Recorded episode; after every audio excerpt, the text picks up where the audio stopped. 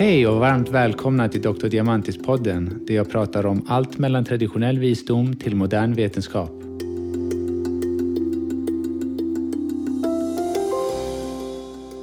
Jag måste börja med att säga att jag verkligen längtat efter detta avsnitt för att örter är fullständigt fantastiska. Det är inget jag visste när jag flyttade till Kina. Jag trodde att jag skulle flyga över dit och studera akupunktur, men det blev läkare i kinesisk medicin med en double major i örter och akupunktur.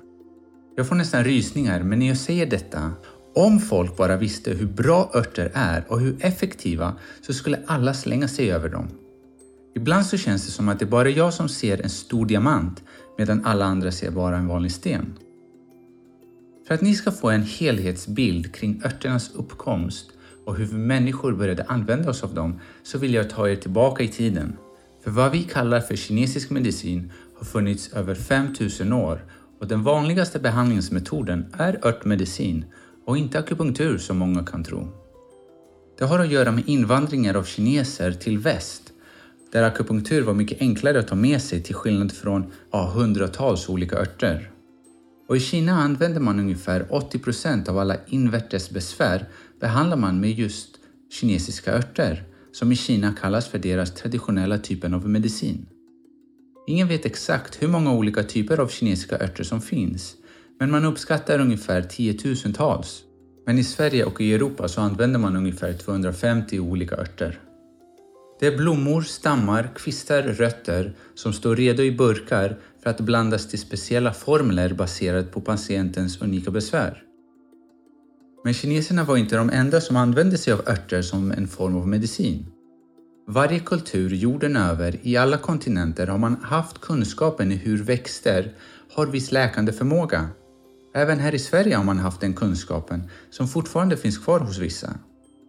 Men att förstå växternas läkande förmåga och varför läkare såsom jag använder mig av kinesiska örter så vill jag ta det hela vägen till första början.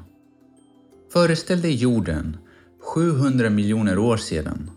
Havet var fullt av liv, men inte på land. Inga skogar, inga blommor, inget liv på land. Det var då forskare uppskattar att växterna började migrera upp på land. Så millennium efter millennium migrerade de från stränderna allt högre upp mot land. För varje nytt landskap så mötte växterna olika utmaningar och därför behövde anpassa sig. Vi vet inte idag hur många olika växter som egentligen finns, men människan har identifierat ungefär 400 000 olika växter. Eftersom växter till skillnad från djur inte har möjligheten att flytta på sig från ett ställe till ett annat så var de tvungna att utveckla metoder att kunna handskas med de olika typer av stress. Från temperaturskillnader, torr och regnperioder, UV-strålning, bakterier, svamp samt djur som försöker äta upp dem. För att kunna överleva dessa faror var de tvungna att bli fantastiska kemister. Så millennium efter millennium har de utvecklat ett fenomenalt arsenal av olika kemiska molekyler för att kunna bemöta alla dessa olika stressmoment. Ja, precis som Alexander Fleming upptäckte att en svamp hade antibiotiska egenskaper som vad vi kallar idag för penicillin.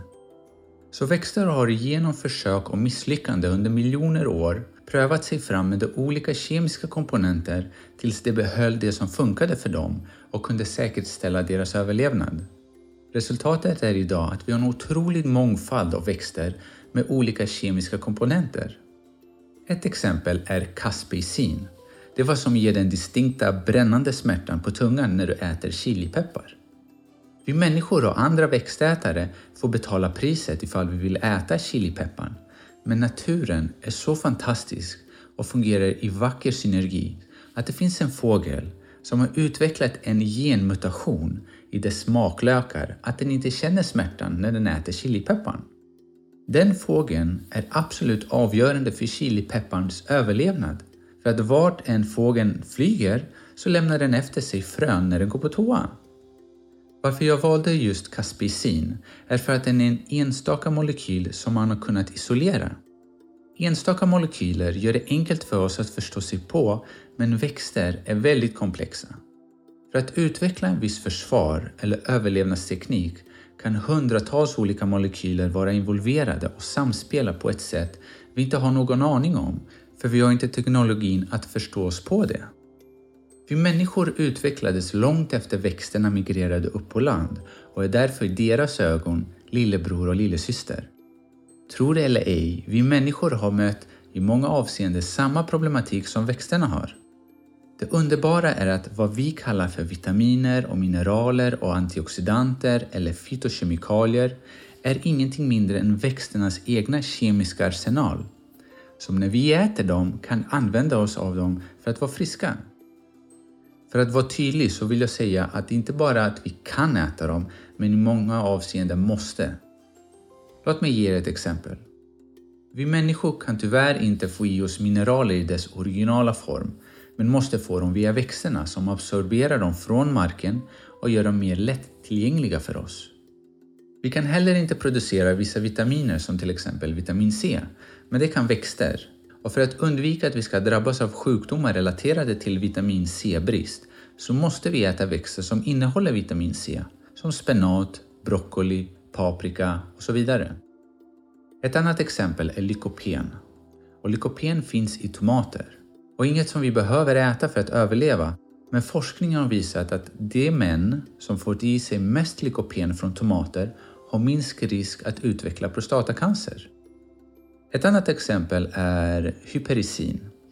Hypericin finns i johannesört och det är endast en av få kemiska antidepressiva komponenter som finns i örten. Hur coolt är inte det? Men förutom att växternas näringsstatus samt kemiska arsenaler är avgörande för vår överlevnad så kan det hjälpa oss med ett problem som har hotat hela mänskligheten och det är patogener.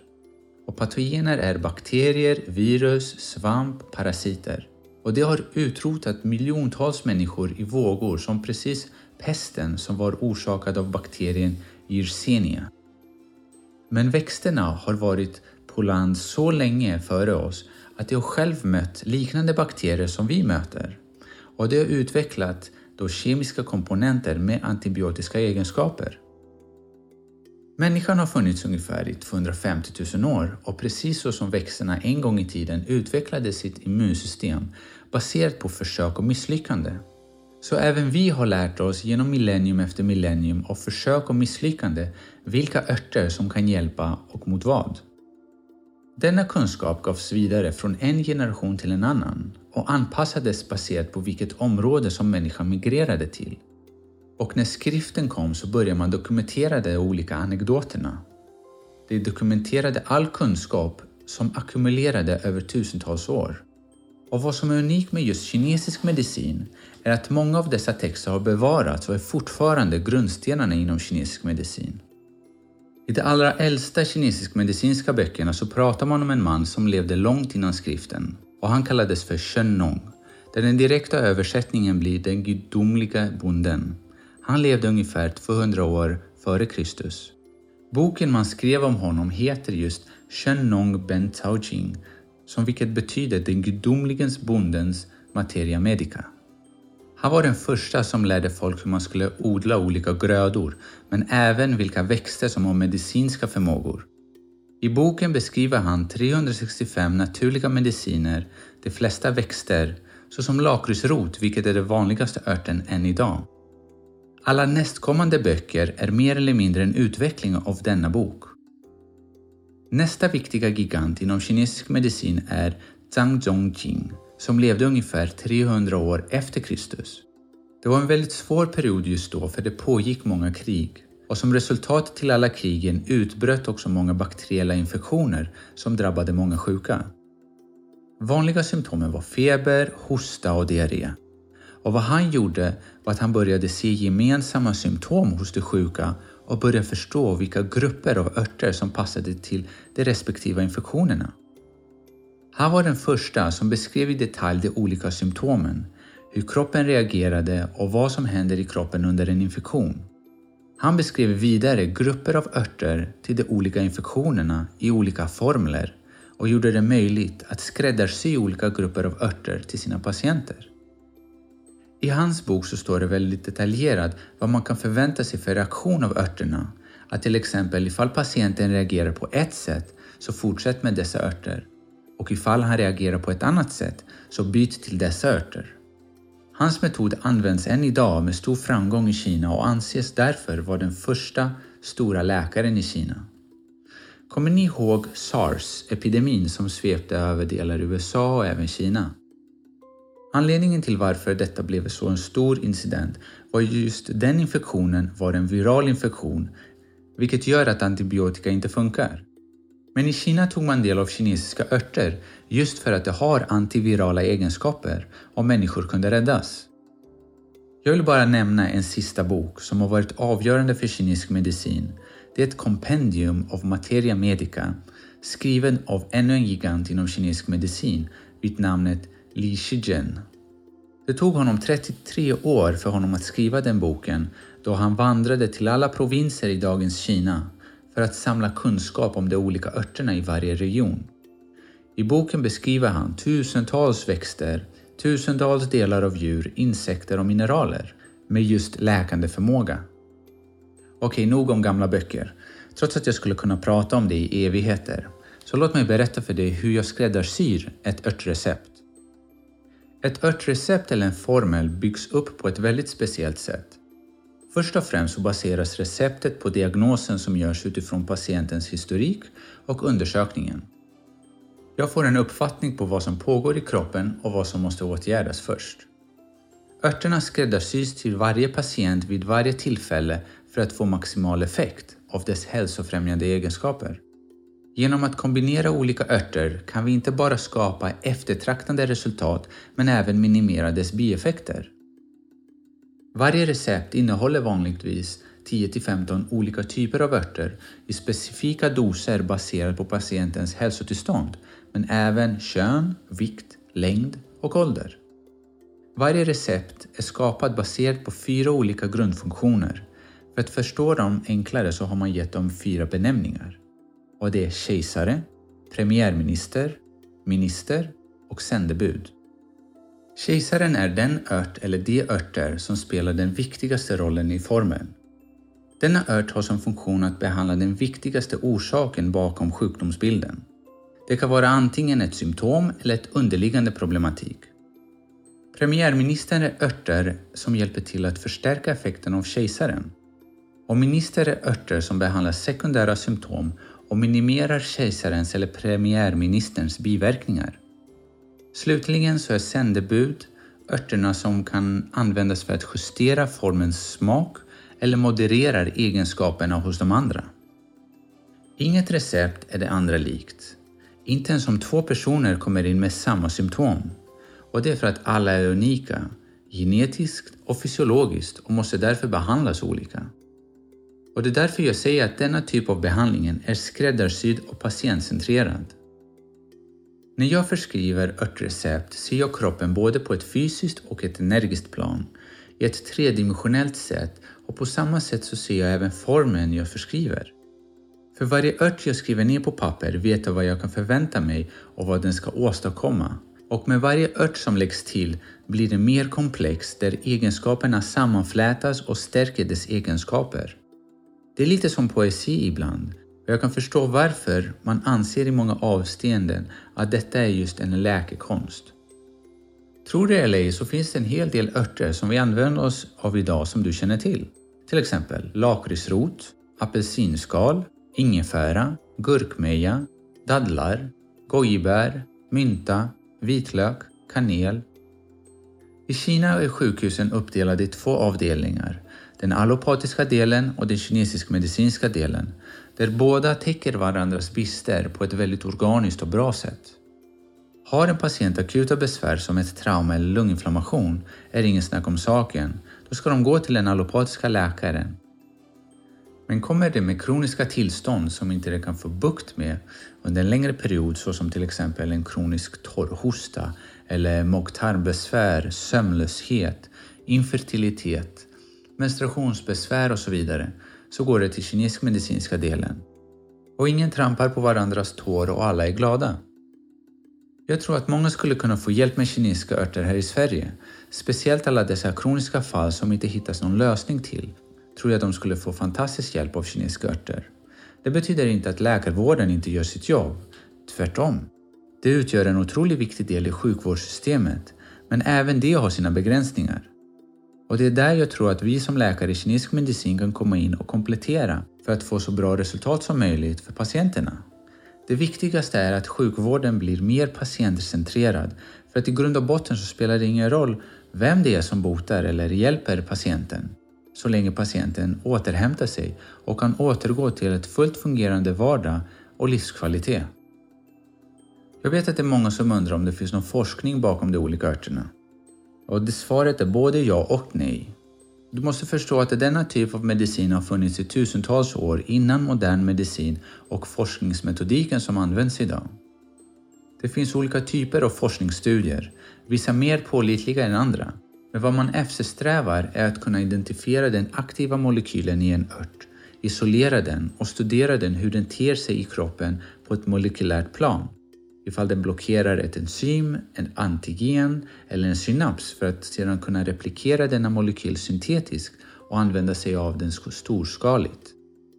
Trots att man kan göra på det viset med vissa örter så kan man inte göra det med många då de aktiva molekylerna i en enda ört är väldigt komplexa samt hundratals i sitt antal.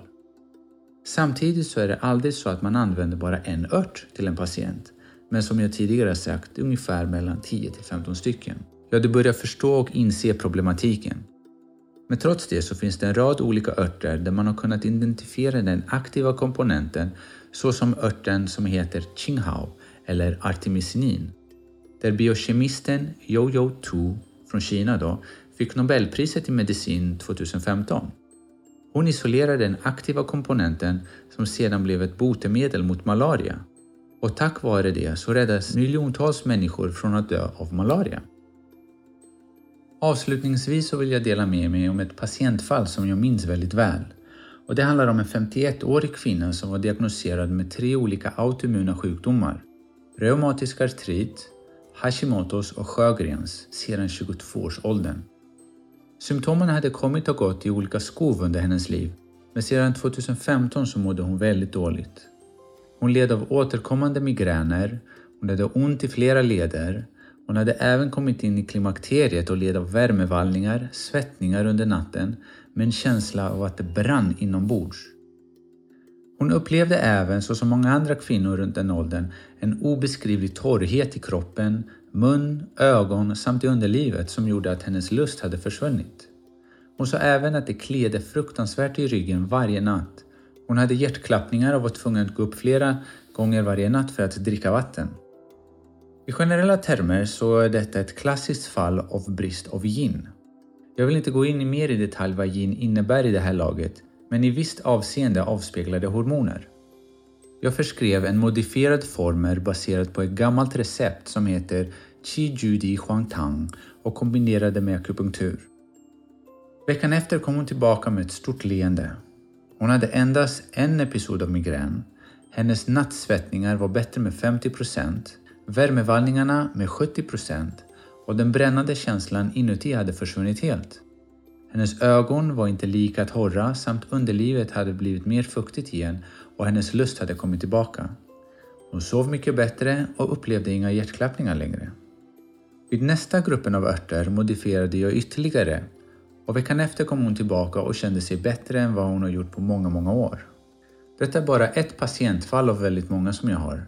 Men det är ett bra exempel för att trots sådana allvarliga diagnoser så kan man få tillbaka en form av livskvalitet och glädje i livet. Kommer hon bli av med sina diagnoser? Ja, troligtvis inte. Och kanske hon kommer vara tvungen att komma tillbaka till mig om några år igen för att få mer behandling. Vad som är viktigt är att folk ska veta att det finns hjälp till symptom som man tror man måste leva med. Man kan lindra och återfå ett normalt livskvalitet i livet.